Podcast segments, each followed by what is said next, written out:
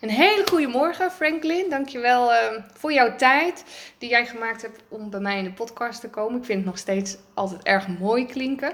Ik weet uh, dat jij een aantal jaar geleden in mijn beeld verscheen toen ik net de diagnose MS kreeg en op zoek was naar informatie waar ik blij van werd. Want ik ging het internet afstruinen en het was eigenlijk, als ik MS intikte, was het kommer en kwel en voorspellingen over de toekomst. En nou ja, daar werd ik niet blij van. En toen kwam jij opeens in beeld. En uh, ik werd heel erg blij van jouw boodschap. En nu, vijf jaar later, toen ik startte met de podcast over wat is ziekte en genezing, dacht, het, dacht ik, hoe mooi is het als, uh, als ik jou daarin mag uitnodigen om jouw visie te delen op uh, ziekte en genezing. Dus welkom. Ja, dank je. Super bijzonder, ja. Kan jij jezelf even kort voorstellen aan de luisteraars die misschien nog nooit van jou gehoord hebben? Wie ben je en wat doe je even in het, in het kort, zonder dat de hele podcast meteen uh, vol is? nee, super. Uh, mijn naam is Franklin Leers en ik, uh, ik heb een website, Genezen Online. En daar staan mijn boeken op die ik heb geschreven. En die gaan eigenlijk over de holistische versie van ziekte en genezing. Dus waar lichaam en geest met elkaar verbonden zijn. En ja, daarnaast ben ik spreker, trainer en ja, draag ik eigenlijk uh, datgene wat in die boeken staat, dat draag ik eigenlijk op verschillende manieren uit.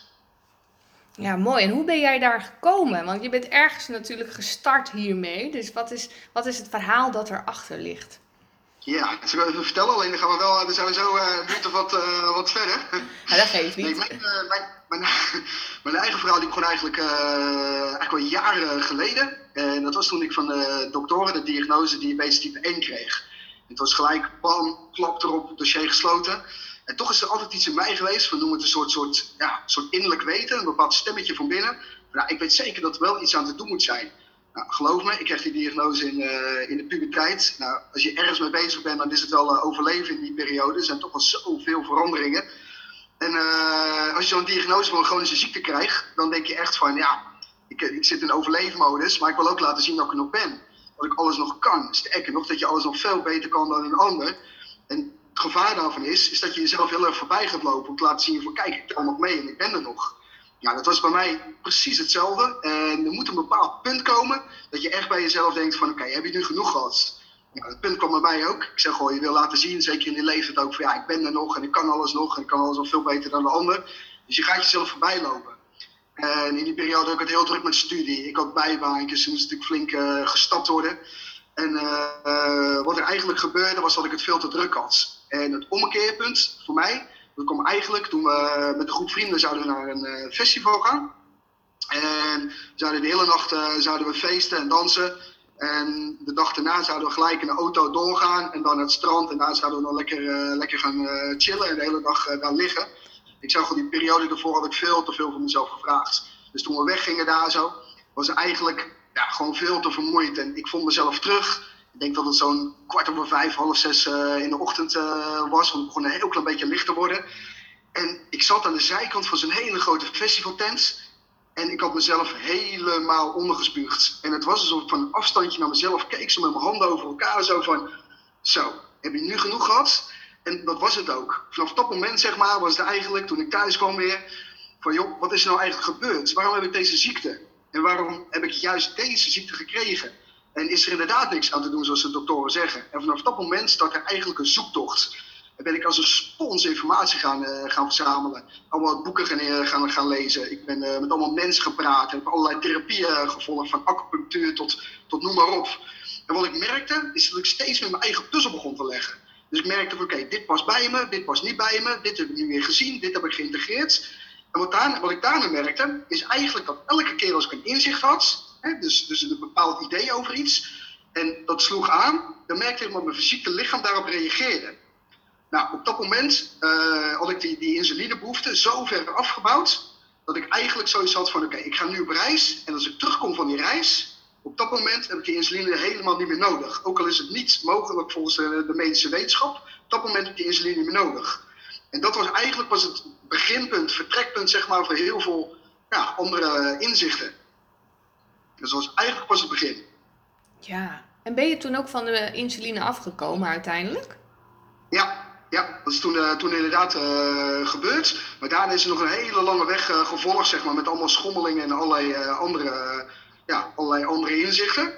En vind je het leuk als ik wat vertel over de, de filosofie, zeg maar? Jazeker. Ja, is een makkelijke podcast als jij gewoon lekker kletst. ja, dat is ook zo verschrikkelijk gaaf onderwerp. Dus er valt zoveel over te, te vertellen. Nou, de, ehm, ik zie het lichaam als een landkaart. En ziektes zijn eigenlijk signalen op die landkaart die je kan leren lezen en interpreteren. Nou, dat heel praktisch uh, te vertalen, bijvoorbeeld geef ik ook vaak in lezingen, is uh, op het moment dat je een, een moeilijk gesprek moet voeren, een lastige keuze moet maken, en repeteer je dat in je hoofd. Uh, je voelt je onrustig, je kan er wakker van liggen, je kan er hoofdpijn van krijgen of buikpijn. Maar op het moment dat je zo'n lastige keuze gemaakt hebt, of zo'n moeilijk gesprek gevoerd hebt, op dat moment verdwijnen ook die klachten. En dat is eigenlijk heel in het klein hoe het ook voor ziekte in het groot werkt. Wat je, uh, wat je hebt is als je puur heel objectief als waarnemer, dus zonder de schuldvraag, dat is heel belangrijk, want je hebt niks fout gedaan. Als je puur objectief als waarnemer kijkt van oké, waar staat deze ziekte voor? Wat wil deze ziekte me nu vertellen? En er zijn wijs veel lectures daarover uh, verschenen. Dat noemen ze de psychologische oorsprong van ziekte. Uh, dan creëer je daarmee eigenlijk je eerste stapjes op weg naar genezing. En de filosofie is dat je geneest van buiten naar binnen. Dat is een hele belangrijke. Iedereen heeft een bepaald beeld van de werkelijkheid, een bepaalde perceptie van hoe jij denkt dat het leven in elkaar zit. Dat is gebaseerd op basis van, van uh, je opvoeding, van collega's, je partner, vrienden, cultuur, religie, je eigen ervaring natuurlijk, noem maar op. Al die dingen zorgen ervoor dat jij op een bepaalde manier naar het leven kijkt. En dat roept bepaalde emoties op, hè, de manier hoe jij je leven leeft. En dat kan zich vastzetten als blokkades in je fysieke lichaam. Dus je fysieke lichaam is het eindstation in plaats van het vertrekpunt. Dus je geneest van buiten naar binnen. Dus van mentaal naar emotioneel naar fysiek. En wat is genezing dan, volgens jou? Ja, genezing dat, dat, bestaat eigenlijk uit twee dingen. Je hebt dus fysieke genezing, wat kan volgen op basis van het veranderen van je overtuiging en conditionering. Dus eigenlijk van het mentale stuk door je emoties verandert en die blokkades wijzigen. Maar voor mij is echte genezing uh, de thema's die gekoppeld zijn aan je ziekte. Ik zeg al, er is heel veel lectuur over uh, verschenen. Bijvoorbeeld voor diabetes is het eigenwaarde, eigenliefde en vertrouwen in de zoetheid van het leven. Dat het leven mooi en goed is. Door die thema's op te lossen verandert alles in je leven. Maak je andere keuzes, andere beslissingen en krijg je ook andere resultaten in je leven. Dus je levenskwaliteit verandert door het oplossen van de thema's die gekoppeld zijn aan de ziekte. Dat is een hele belangrijke. Want als je het water weghaalt, kunnen de waterplanten, hè, die al die emoties die gepaard gaan met ziekte, die kunnen ook niet meer groeien. Dus dat is eigenlijk wat je doet. En dat is voor mij werkelijke genezing. Misschien dat je fysiek dan nog wat dingetjes ja, nodig hebt, bijvoorbeeld bepaalde medicijnen. Maar het wil niet zeggen dat je nog uh, ziek bent. En zoals je eerder uh, in ons voorgesprek al even zei, dat je je identificeert met de ziekte, want je bent die ziekte niet meer. Ja. Je hebt die ziekte eigenlijk niet meer. Je hebt alleen nog een bepaalde fysieke handeling nodig. En die voel je op een gegeven moment niet meer, want als je elke dag met de fiets naar het station gaat, dan denk je er ook niet meer over na. Je pakt je fiets, je gaat s weg en je zet hem bij het station neer. Dat is niet meer dan dat wat er overblijft. Dus werkelijk genezing in mijn optiek is het oplossen van uh, de thema's die met de ziekte gepaard gaan. En dat is wat ik het geschenk van ziekte noem. Het oplossen van de essentie van ziekte. De thema's die met de ziekte gepaard gaan. En het geschenk van ziekte is, is dat je terug bij jezelf, letterlijk. Dat je weer voor jezelf gaat kiezen en keuzes gaat maken die voor jou goed zijn. En dat is heel erg uh, belangrijk aan ziekte. En dat is ook een lastige boodschap soms, zeker als iemand net vol in, in de ziekte zit. Hè, dan gaat dat met heel veel veranderingen en emoties gepaard. Is heel moeilijk om die boodschap soms te brengen, zeg maar. Dat werkelijke genezing niet per se bestaat uit genezen van de essentie van ziekte. Ja, ik, nou, ik kan me ook voorstellen dat toen ik net zelf de diagnose kreeg, als iemand dat dan tegen mij gezegd had, dat ik daar inderdaad ook helemaal niet dat nog niet kon horen. Want toen was het gewoon, ik was, het klinkt een beetje gek, maar ik was eigenlijk juist blij dat ik de diagnose gekregen had. Omdat ik bijvoorbeeld bepaalde dingen nu niet meer hoefde. En juist dat stuk was voor mij een inzicht dat ik dacht, oh, maar hè, waar, waarom, ook wat jij zegt, waarom is deze ziekte op mijn pad? Maar ik kon nog niet echt horen dat het te maken had juist met die manier van denken. Want jij had dat heel mooi opgeschreven. Je, je wordt ziek als jouw mentale en emotionele toestand, jouw psychische veld, aansluit op het thema of de essentie van de ziekte. Ja, ja klopt. Dan zoom je eigenlijk in op elkaars, ja, noem het de trillingsfrequentie van ziekte, maar dan zoom je eigenlijk inderdaad in op je ziekte en dan ben je vatbaar. Want zou je dan kunnen zeggen dat, dat als je het dan hebt over het veld eventjes, dat dus alle ziektes, alle thema's, alles circuleert dan rond. En op basis van jouw mentale en emotionele toestand, jouw psychische veld, is dat dan inderdaad wat er ook bij jou naar binnen komt. Ja, zo zou je het inderdaad kunnen, kunnen zien. En je hebt Dr. Bruce Lipton, bekende Amerikaanse uh, onderzoeker en bioloog, heeft een heel mooi stuk een keer over gedeeld ook. Het gaat er eigenlijk over dat je gedachten die zitten niet in je hoofd, maar die stuur je eigenlijk naar buiten. En je kan het heel mooi meten. Je hebt apparaten, de ECG en MEG-apparaten. En de een dat is met de bekende stickers op je hoofd. En de andere is meer een kap die om je heen zit, maar die kan toch die gedachten meten. Van hoe kan dat dan als dat niet op je hoofd zit? Dat is eigenlijk omdat gedachten kleine elektrische impulsjes zijn. Die stuur je uit naar wat jij al zei in het veld. En die gaan eigenlijk op zoek naar dingen met dezelfde frequentie, met dezelfde trilling. Als je iemand ontmoet die heel erg op jouw hè, trilling zit, die heel erg overeenkomt met heel veel van jouw denkbeelden en overtuiging conditionering, dus je hebt een klik, dan, ja, dan, dan haken die letterlijk in elkaar. En daardoor heb je ook zoveel invloed uh, op elkaar.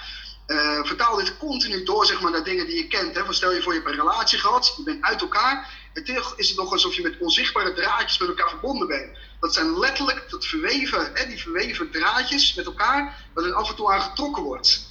En als je het weer doorvertaalt, dus stel je voor je loopt in de stad, en je denkt aan iemand die je helemaal niet gezien hebt, je draait de hoek van de straat om, bam, loop je tegen die persoon aan. Of die persoon die belt je ineens s'avonds. Zo moet je dat zien. Uh, het bekende voorbeeld ook van uh, als je een kristallen beker hebt, en uh, je, zet een, een, je zoekt de frequentie van die kristallen beker op, en je zoekt, je, je, ja, je hebt een bepaalde toon die je uitstraalt op die frequentie, dan spat die beker uit elkaar. Ja. Dus zo kan je het eigenlijk heel praktisch vertalen, van dat je allemaal op een bepaalde frequentie zit. Dus ze hebben een waanzinnig onderzoek gedaan naar, de, naar zakkenrollers, van hoe zien die nu eigenlijk, ja, hoe, hoe selecteren die hun slachtoffers? En wat ze daarmee gedaan hebben, zeg maar, wat ze daarmee hebben laten zien, dat is dat ze eigenlijk scannen, het publiek scannen, en dan zien ze van wie leeft er nou in angst, de trilling van angst. En wat ze dan doen, is eigenlijk daarop inzoomen, want de kans dat die personen zich verweren, die is heel erg klein. Dus zij scannen eigenlijk gewoon van, oké, wat voor trilling zit iemand nou? Dus vraag jezelf af, van wat voor trilling zend jij uit? Is dat op het niveau van een Dalai Lama? Of zit je heel erg in de angst? Dus dat is een hele goede om dat te beseffen. Ja. En hoe zou je dan, hè, dus stel nou dat je inderdaad op basis van de trilling die je dan op dat moment uitzendt, trek je een bepaalde ziekte uit. Zou je dan ook dus door het veranderen of het wijzigen van je trillingsfrequentie uh, ervoor kunnen zorgen dat die trilling niet, of dat die ziekte niet meer in jou aanwezig is. Ja, zeker. Dat, dat zou zo, uh, zo zorgen. Het enige is, uh, als je kijkt naar trillingssynchronisatie, dat is een moeilijk woord, maar dat komt er eigenlijk op neer. Stel je voor, dat is een beetje de, de, de snarentheorie. Als je twee snaarinstrumenten naast elkaar zet, één met een hoge trilling en één met een lagere, en je gaat van de hogere, het snaarinstrument met de hogere trilling, uh, dan laat je een trilling uitgaan pas de trilling van het lagere snaarinstrument zich aan. Dus stel je voor, jij bent uh, niet ziek. Uh, je zou ziekte kunnen zien, zeg maar, als je iets met een, een, een, lagere trilling, gedimd licht. Dan is de persoon die wel ziek is, die zou zich eigenlijk aanpassen bij die, andere persoon uh, ja, met meer licht. En toch zit er iets in het celgeheugen, zeg maar. Dat je zou bij elkaar kunnen zijn en middelijk dus genezen omdat je lagere trilling zich aanpast aan de hogere trilling van de andere persoon. Hè, die geen gedimd licht heeft in die cellen toch is er iets in het celgeheugen wat ervoor zorgt dat dat niet gebeurt. Dus is eigenlijk, het antwoord is eigenlijk een soort ja en nee. Dus ja, je zit eigenlijk een soort jezelf met je overtuiging, conditionering en denkbeelden zit je in de weg. En ik denk dat dat wel, eh, als ik iets moet noemen als mijn stokpaardje, dan is dat het. Dat is het perceptie. Ja. Uh, omdat het leven is zoals je denkt dat het is, op basis van je overtuiging en conditioneringen. Ja, ja.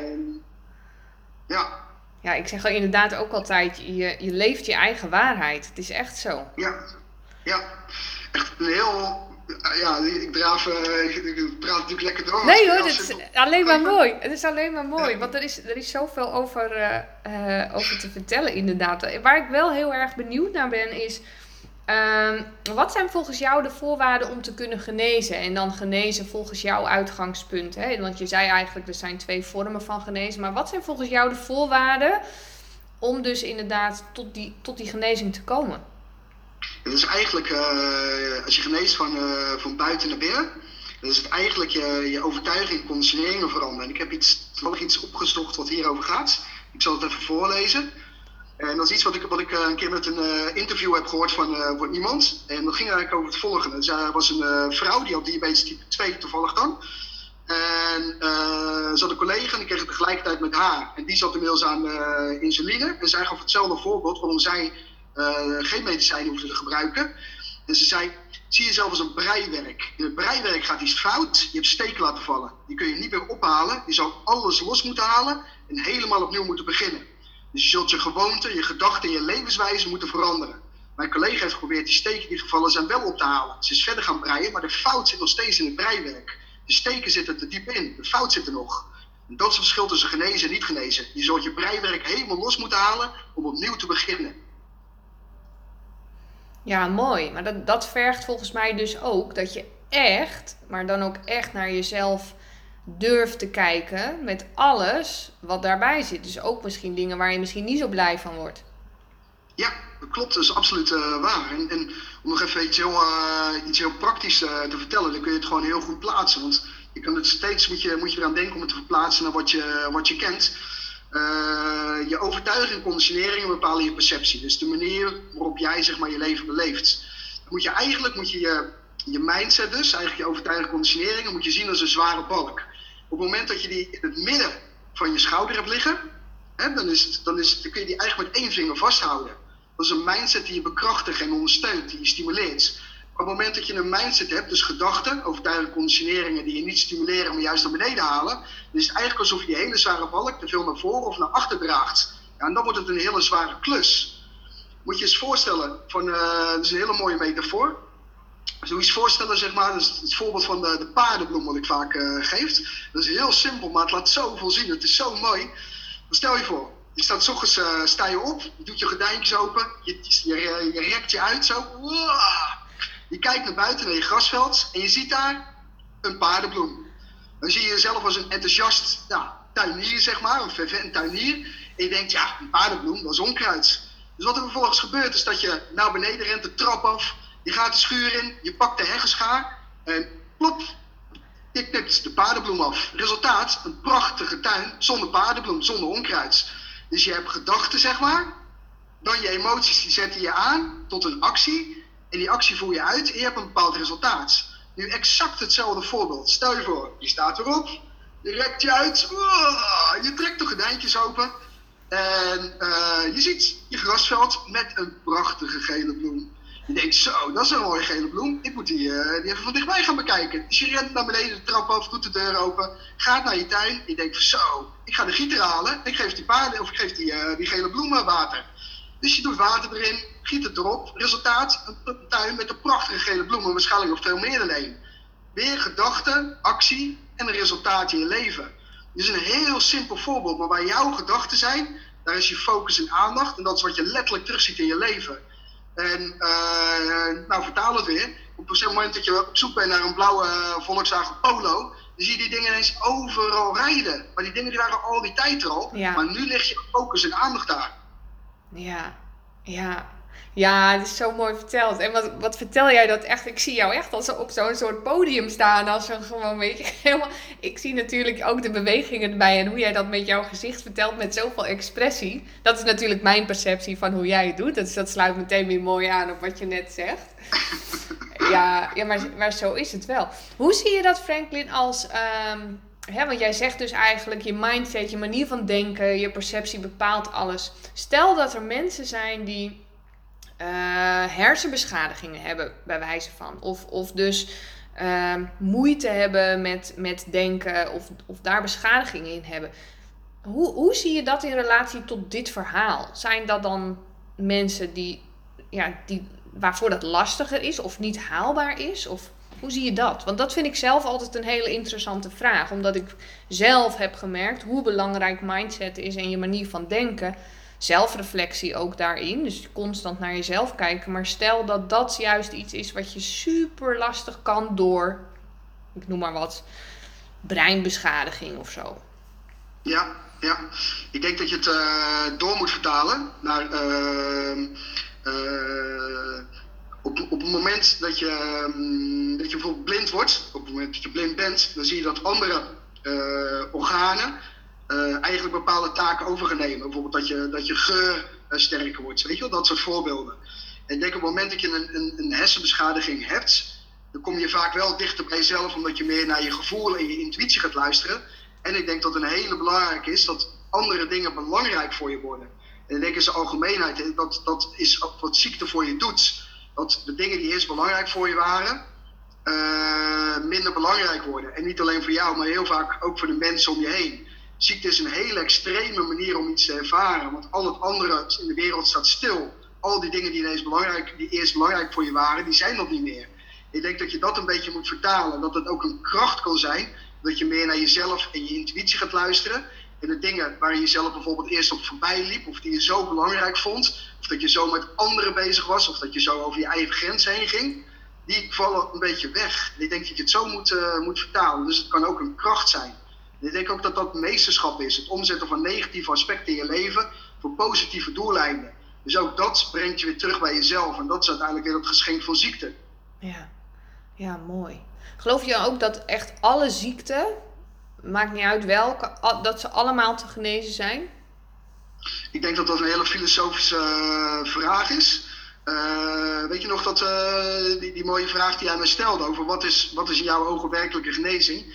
Werkelijke genezing is terugkomen bij jezelf, maar dat, zo zie ik het. Dus ik denk niet dat er fysiek altijd alles te genezen is. Nee. Maar het is wel mogelijk om terug te komen bij jezelf. Dus ook iemand die overlijdt uiteindelijk kan zijn ziekte meester geworden zijn. En op een hele andere manier terugkomen bij zichzelf. En in vrede zeg maar doodgaan. En een enorm voorbeeld geweest zijn voor anderen. Denk aan uh, Eberhard van der Laan bijvoorbeeld. De burgemeester, uh, oud-burgemeester van Amsterdam. Moet je kijken wat dat voor mensen deed zeg maar. En hoe die ja, mensen inspireerde. Uh, ik denk dat je het zo op die manier een beetje kan, kan zien. Dus ik denk niet dat fysieke genezing in alle gevallen mogelijk is. Maar ik denk wel, zeg maar, dat je je genezing, de essentie van ziekte, kan, kunt genezen. Dat dat wel altijd mogelijk is. Ja. En welke rol speelt acceptatie hierin, volgens jou? Ja, waanzinnig belangrijk. Ik denk dat uh, de, de, vijf fases van rouw van uh, Elisabeth Kubler-Ross, ja. waarin acceptatie, aanvaarding, zeg maar, de, de, uiteindelijke fases, dat dat een heel belangrijk is. Weet je, als je die dan namelijk niet hebt, dan zit je in het gevecht en als je in het gevecht zit, dan kun je niet rustig kijken naar wat iets eventueel kan betekenen. En heel gewoon objectief neutraal, als, hè, wat waar we eigenlijk het verhaal mee begonnen van de filosofie, kijken van oké, uh, waarom uh, heb ik deze ziekte en wat is er aan de hand en is er inderdaad aan te zien? Als je in het gevecht zit, dan kan dat niet. Dus die acceptatie, die aanvaarding is een hele belangrijke. Wat een hele mooie om te vertellen. Mijn tweede boek, De Alchemie van Ziekte, die heb ik puur geschreven na mijn eerste boek om ook mensen duidelijk te maken, weet je, als je een ziekte hebt, heb je niks verkeerd gedaan, heb je niks fout gedaan.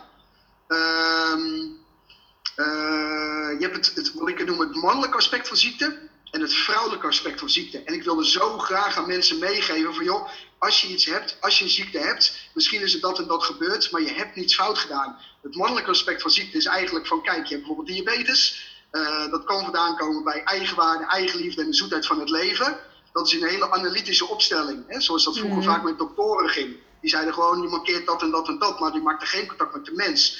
En het vrouwelijke aspect van ziekte, dat is zo waanzinnig belangrijk. Dat is van, nou, misschien is er iets gebeurd waardoor dit en dit ontstaan is. Maar hoe is het met jou als mens? Hoe gaat het met jou? Dus je maakt verbinding met de ander. En dat wilde ik zo graag meegeven. Van je hebt niets fout gedaan als je ziekte hebt. Als je een ziekte hebt. Ja. ook, ook zo waanzinnig mooi om te kijken, zeg maar, als je een ziekte hebt en je gaat ervan uit van de filosofie dat uh, een ziekte wat te vertellen heeft, dan moet je je eens voorstellen, als ik dan even het voorbeeld neem van diabetes. Dat is niet meer dan een kapstok, dan ziekte in zijn algemeenheid. En eigenlijk gaat het erom wat erachter ligt, want dat is hetgene wat je terugweegt bij jezelf. Dus persoonlijke ontwikkeling en bewustzijn. Als bijvoorbeeld de alvleesklier niet meer goed werkt bij, uh, uh, bij diabetes, dan ben je boos op je lichaam, ben je boven je alvleesklier. Vertrouwen in je lichaam is voor een heel groot deel weg. Maar eigenlijk is de alvleesklier jouw grootste bondgenoot. Die laat jou zien van kijk, je bent jezelf voorbijgelopen, er klopt iets niet. Eigenwaarde, eigenliefde, vertrouwen in in, in de zoetheid van het leven. De alvleesklier laat zien van kijk, ik, ik functioneer niet meer. Die spiegelt eigenlijk hoe jij in je leven staat. Dus in plaats van boos te zijn op dat onderdeel wat niet meer werkt, hè, zeg je eigenlijk van nee, het is mijn grootste vriend. Want die uh, laat zien wat er eigenlijk aan de hand is. Die wil helemaal niet niet ziek zijn. Die willen helemaal niet stoppen met functioneren. Dat is helemaal niet in zijn natuurlijke staat van zijn. Zijn natuurlijke staat van zijn is gezondheid. Ik heb een ja. wijs mooi stukje uh, opgezocht, vind ik in ieder geval zelf. Um, um, uh, over het lichaam. En dat gaat eigenlijk over, ik zie het lichaam als een orkest. Ik lees even voor wat ik daarover geschreven heb. Dat een cel kun je vergelijken met een radiostation. Eén enkele cel staat in contact met al die andere miljoenen cellen in je lichaam. Die cel die communiceert door middel van een elektrische lading, een soort elektrische stroom. En op die manier zendt en ontvangt iedere cel in je lichaam signalen van en naar de andere cellen. Het is echt een ongelooflijk ingenieus communicatienetwerk. Iedere cel die staat dus in contact met al die andere cellen in je lichaam. En toch zullen niet alle cellen de signalen van elkaar kunnen opvangen. En laten we eens kijken hoe dat komt. De cellen in je lichaam die vormen tezamen een enorm orkest. door, die, door dit orkest wordt een grote hoeveelheid instrumenten bespeeld met even zoveel muzikanten. Die muzikanten die communiceren met elkaar door middel van het onderliggende doel, namelijk het muziekstuk dat ze spelen. De onderlinge communicatie zorgt ervoor dat zij hetzelfde nummer blijven spelen. Samen spelen ze dezelfde symfonie, symfonie namelijk het in optimale gezondheid houden van jouw biologische gestel. En de dirigent van het orkest, dat ben jij. Jij moet zorgen dat de onderlinge communicatie optimaal blijft en dat iedereen dezelfde symfonie blijft spelen. En wat helaas vaak gebeurt is het volgende. Door twijfels, angsten, onvoldoende zorgen voor jezelf, het nemen van tegenstrijdige beslissingen, op nahouden van beperkte geloofsovertuigingen ten opzichte van jezelf, zodat het orkest dat zo prachtig synchroon liep, dat zal uit de pas gaan lopen. Het lukt het orkest niet meer om samen te werken als één. De signalen worden verkeerd geïnterpreteerd en de onderlinge communicatie raakt verstoord. De volmaakt gezonde cellen in ons lichaam zenden zo signalen uit, maar die worden simpelweg niet gehoord door de andere cellen, omdat ze uit de maat lopen. Dus vergelijk het maar met een mobiele telefoon, waarbij de verbinding niet goed is. Als je elkaar niet goed verstaat, staan misverstanden. En dit is bij ziekte precies wat er aan de hand is in je lichaam. De communicatie tussen verschillende delen van je lichaam, die ontbreekt of die is verstoord. De muzikanten die niet in de maat spelen, dat zijn de cellen die uit balans zijn. Dat zijn de cellen die een ziekte in zich dragen. Dus die muzikanten spelen op de duur allemaal een ander nummer. Sommige muzikanten hebben geen zin meer in, die willen stoppen. Anderen zijn moe, hebben nauwelijks meer de kracht om door te spelen. En weer anderen worden boos, proberen het hele orkest te saboteren. Het is belangrijk om te weten dat die cellen in je lichaam het helemaal niet willen. Sommige cellen in je lichaam zijn al ziek en andere dragen die potentie in zich om ziek te worden. De balans is soms heel delicaat. Het zijn nu nog ongeactiveerde potenties die geactiveerd kunnen worden. En wat deze cellen worden, dat hangt dus af van jou. Al die cellen wachten op jouw commando's. Ze luisteren naar jou. Ze zijn hier om jou te dealen. Het zijn jou wat die commando's je, ja, zijn die je geeft. Dus verantwoordelijkheid nemen voor al die facetten van je leven. Niet alleen voor wat je in het leven creëert, maar ook voor het leven binnenin je, je biologische lichaam. Dat is dus heel erg, ja, heel erg belangrijk. Ik hoop dat mensen misschien een, een knopje op hun telefoon hebben dat ze een, een uh, hoe noem je dat? Even wat langzamer hebben. Want ik zit echt te luisteren en dan denk oh ja, oh ja, oh ja, oh ja, oh ja. Maar ik denk misschien dat mensen dit een paar keer even terug moeten spoelen. Want het is, maar het is wel, ja, ik geloof hier ook ontzettend in. Dat, dat, dat, gewoon, dat het zo werkt. En dat vind ik ook wel mooi met, die, uh, met Bruce Lipton. Hè? Ik weet, dus zul je ongetwijfeld ook gelezen hebben over die celbioloog en hoe dat werkt. Ja. Maar er is inderdaad zo ontzettend veel. Hoe zie jij dan, uh, hoe zie jij hier, hè? dus jij vertelt net een heel mooi verhaal over de cellen en hoe, hoe die met elkaar werken. Hoe zie jij hier uh, de rol van genen in? Uh, dat is eigenlijk ook weer een, een, een, een, een, ja, bijna, bijna een filosofische vraag. En het gaat er eigenlijk over van waarom worden we ziek? Uh, ik, ik zit nog te denken wat je net zei, dan word ik zo enthousiast, dan gaat ik heel snel. Dus, dus inderdaad, uh, ik ken dat precies wat je zegt. Uh, eigenlijk is het bijna een soort filosofische vraag ook van waarom worden we ziek? Ik zei al, ziekte is een hele extreme manier om iets te ervaren. En dat kan op heel veel manieren. Hè? Als je kijkt naar de rode draad in het leven van mensen, sommige mensen hebben altijd problemen met de familie. Sommige mensen hebben altijd problemen met hun relaties. Sommige mensen hebben altijd problemen met fysieke dingen. Sommige mensen hebben altijd problemen met geestelijke, problemen, geestelijke dingen. Uh, waarom worden we ziek? En ziekte is een hele extreme manier om iets te ervaren. En afhankelijk van je concept, van je levensfilosofie, uh, kun je zeggen van oké, okay, als bijvoorbeeld een kind ziek wordt, uh, waarom wordt een kind ziek? alles, al het andere in het leven staat dan eigenlijk stil. Maar ook de mensen om je heen ervaren die ziekte. Ook voor hun staat dat stil. Dus als je gelooft in levenslessen, in een manier waarop we groeien zeg maar, als persoon, dan is ziekte een hele extreme manier om iets te ervaren.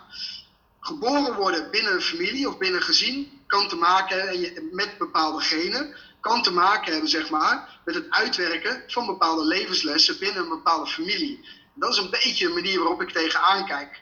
Nou, neem daarbij het volgende.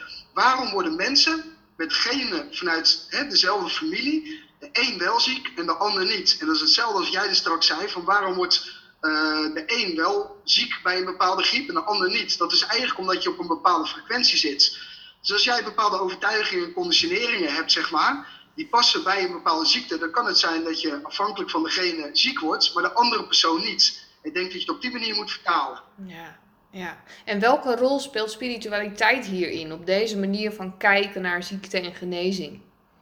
Uh, ik denk wel, wel ja, dat, dat, is afhankelijk zeg maar, van, het, van het waarom, ja, de, de waarom-vraag en een bepaalde levensfilosofie. Maar ook als, uh, uh, als je zegt van ja, ik heb helemaal niks met spiritualiteit en uh, ik geloof alleen in vlees en botten, om het zo maar te noemen. Ik geef puur in de wetenschap. Ook dan moet je de dingen steeds blijven vertalen eigenlijk naar wat je kent. En dat is die hele simpele metaforen, zeg maar. Van op het moment dat je op zoek bent naar die blauwe Volkswagen Polo, dan zie je die overal rijden. En ik heb toevallig deze week een blog geplaatst over het social, de social dilemma, wat nu draait ja. op Netflix. Ja. En dat gaat er eigenlijk over. Wat het kwalijke daaraan is, is dat je eigenlijk alleen maar krijgt voorgeschoteld wat je, wat je verwacht. Dus je wordt eigenlijk gestimuleerd in je bubbel. Je staat niet meer open voor, de, voor een andere grondhouding. Je hebt twee grondhoudingen. Dat is de existentiële grondhouding van, en de grondhouding van de dialoog. De existentiële grondhouding is van oké, dit is mijn waarheid, punt. En al het andere klopt niet. Dat zie je heel vaak bij religies. De grondhouding van de dialoog is van, joh, ik denk dat het zo in elkaar staat, in elkaar zit. Maar vertel me jouw variant. Misschien dat, ik, hè, dat we nader tot elkaar kunnen komen. En ik denk dat dit met de social dilemma ook heel erg belangrijk is. Doordat je via social media en Google alleen maar voorgeschoten krijgt wat je verwacht, zit je in je bubbel, word je gevoed in je eigen waarheid en krijg je polarisatie. Er zit niks meer in het midden. En dat zie je overal de laatste vier, vijf jaar in de verkiezingen terug. Dus of helemaal de ene kant of helemaal de andere kant. Mensen staan niet meer open voor elkaar standpunten. Neem COVID, exact hetzelfde verhaal. Je bent of voor strenge maatregelen of je wil helemaal niks. Zit niks meer in het midden. En ik denk dat dit heel belangrijk is met die vraag wat jij stelde over spiritualiteit. Dat dit ook heel belangrijk is. Ja, en hoe, um, zeg maar, een beetje, ik zit even naar de tijd inderdaad, dat ik me een beetje ga afronden. Om, vooral omdat jij ook zoveel informatie hebt verteld, anders zijn mensen misschien helemaal overloaded. Hoe, ja, hoe, hoe, nee, is alleen maar mooi. Ik hou ervan. Ja, voor mij is dat echt zo'n spons. En, maar dit is voor mij gewoon een gesprek, de herkenning. Dus dat, dat vind ik gewoon super, super. Daar word ik heel erg blij van. Daar ga ik van op aan. Hoe reageerden jouw doktoren hierop toen jij dus, um, nou ja, wat je zegt, hè? Dus jij zat aan de insuline, daar ben je nu van af. Je bent nu dit gaan doen. Ik weet niet of je nog contact hebt met jouw doktoren of jouw behandelaren. En hoe zien zij wat jij nu doet? Ben je daar wel eens over in gesprek gegaan? Ja, uiteraard. Want eh, zeker in de beginjaren toen je zo enthousiast was en de wereld uit en denken. Ja. En ik wilde de hele wereld wilde ik helpen. en uh, nou niet, je moet je voorstellen dat, uh, nou als ik even diabetes kapstok gebruik, bijna alle onderzoeken die verschijnen, die zijn gesponsord. Er is een waanzinnige lobby en een waanzinnige farma-industrie, zeg maar, die helemaal niet gebaat is bij genezing. En in al mijn naïviteit dacht ik in het begin, ja, maar iedereen moet het weten. Nee, die staat er helemaal niet voor open. En het begint wel iets beter te worden, omdat je een jongere generatie uh, doktoren krijgt.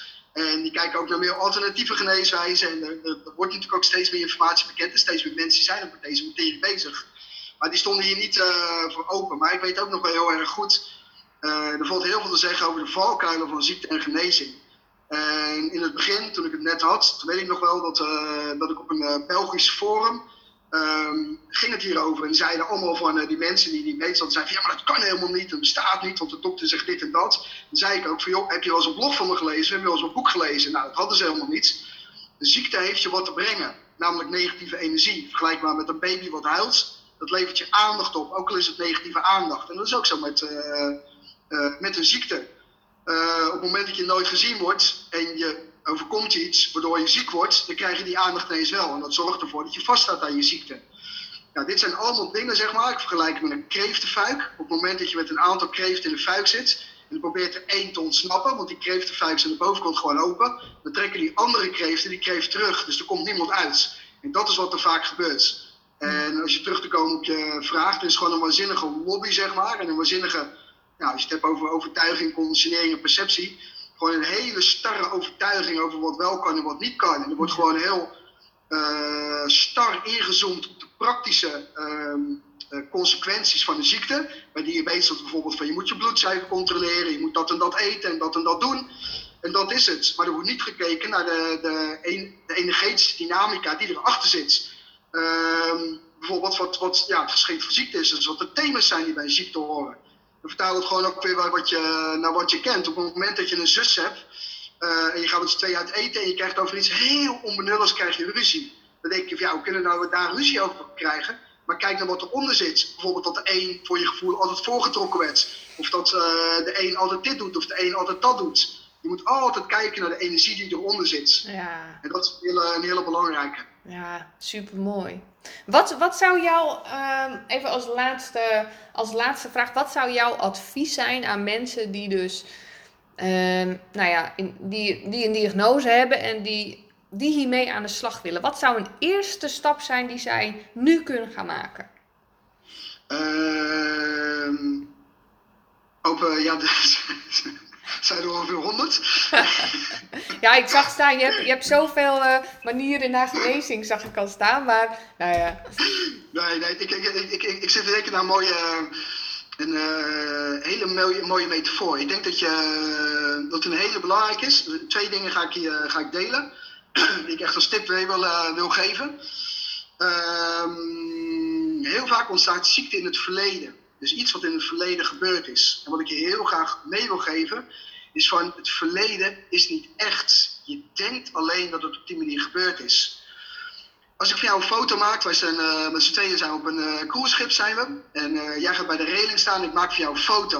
Nou, dan zie ik staan, lachend en haar in je wind, het flabbert een beetje. En nou, hartstikke gelukkig. Maar wat je niet ziet, is die meeuw die boven je vliegt. Of de kok in het kombuis, of het water onder het schip.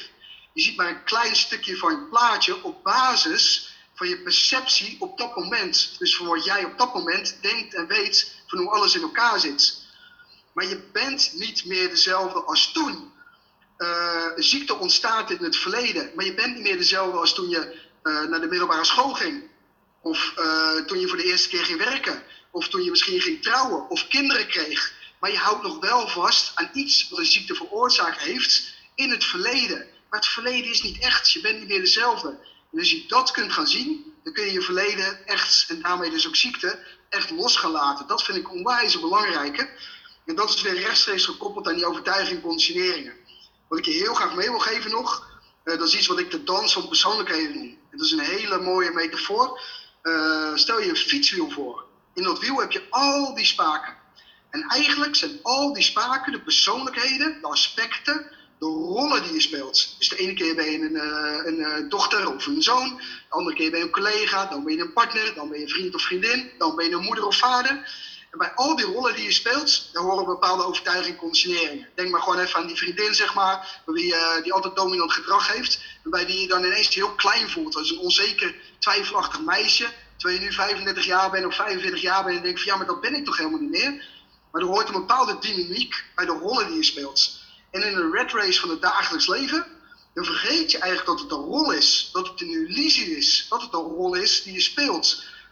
Maar in dat fietswiel, als dat gaat draaien, hè, die red race van het leven, daar heb je de as. En die as die staat altijd stil. En dat is wat ik je essentie of pure bewustzijn noem. En op elk moment, op elke seconde van de dag, op elke moment dat je een rol speelt, bij wie je dan ook bent, kun je je terugtrekken in die eigen essentie en denken van ja, maar dit is wie ik werkelijk ben. Ik ben niet die rol die ik speel. Ik ben niet die overtuiging of conditionering, die hoort alleen bij die rol. En als je dat kan gaan zien, dan kan je je terugtrekken zeg maar, uit al die emoties en al die, ja, die shit eigenlijk die je ervaart. En dat zorgt voor een bepaalde rust. En die twee dingen die zijn heel belangrijk om te beginnen, zeg maar, om dingen te gaan veranderen. Prachtig, ja, ik heb er niks meer aan toe te voegen. Nou, mooi. Franklin, waar kunnen mensen jou vinden als ze meer uh, van jouw blogs willen lezen? Want jij schrijft onwijs veel blogs over dit onderwerp. Je hebt natuurlijk ook heel veel boeken geschreven. Dus waar kunnen ze dat uh, vinden als ze denken, hé, hey, interessant? Dat kunnen ze uh, allemaal via mijn website vinden. En dat is genezenonline.nl. Helemaal goed. Ik ga dat ook natuurlijk onder de podcast zetten. Ik wil jou enorm bedanken voor je tijd en het mooie gesprek. En alle inspiratie die je gedeeld hebt.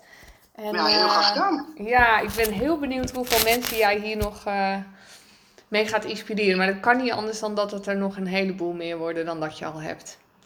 Nou, het is superleuk en lief ook dat je me gevraagd hebt. En uh, echt prachtig dat we nu op deze manier bij elkaar komen na, na een aantal jaren. En, ja, het is fantastisch. Het is echt heel tof om dit uh, te doen ook.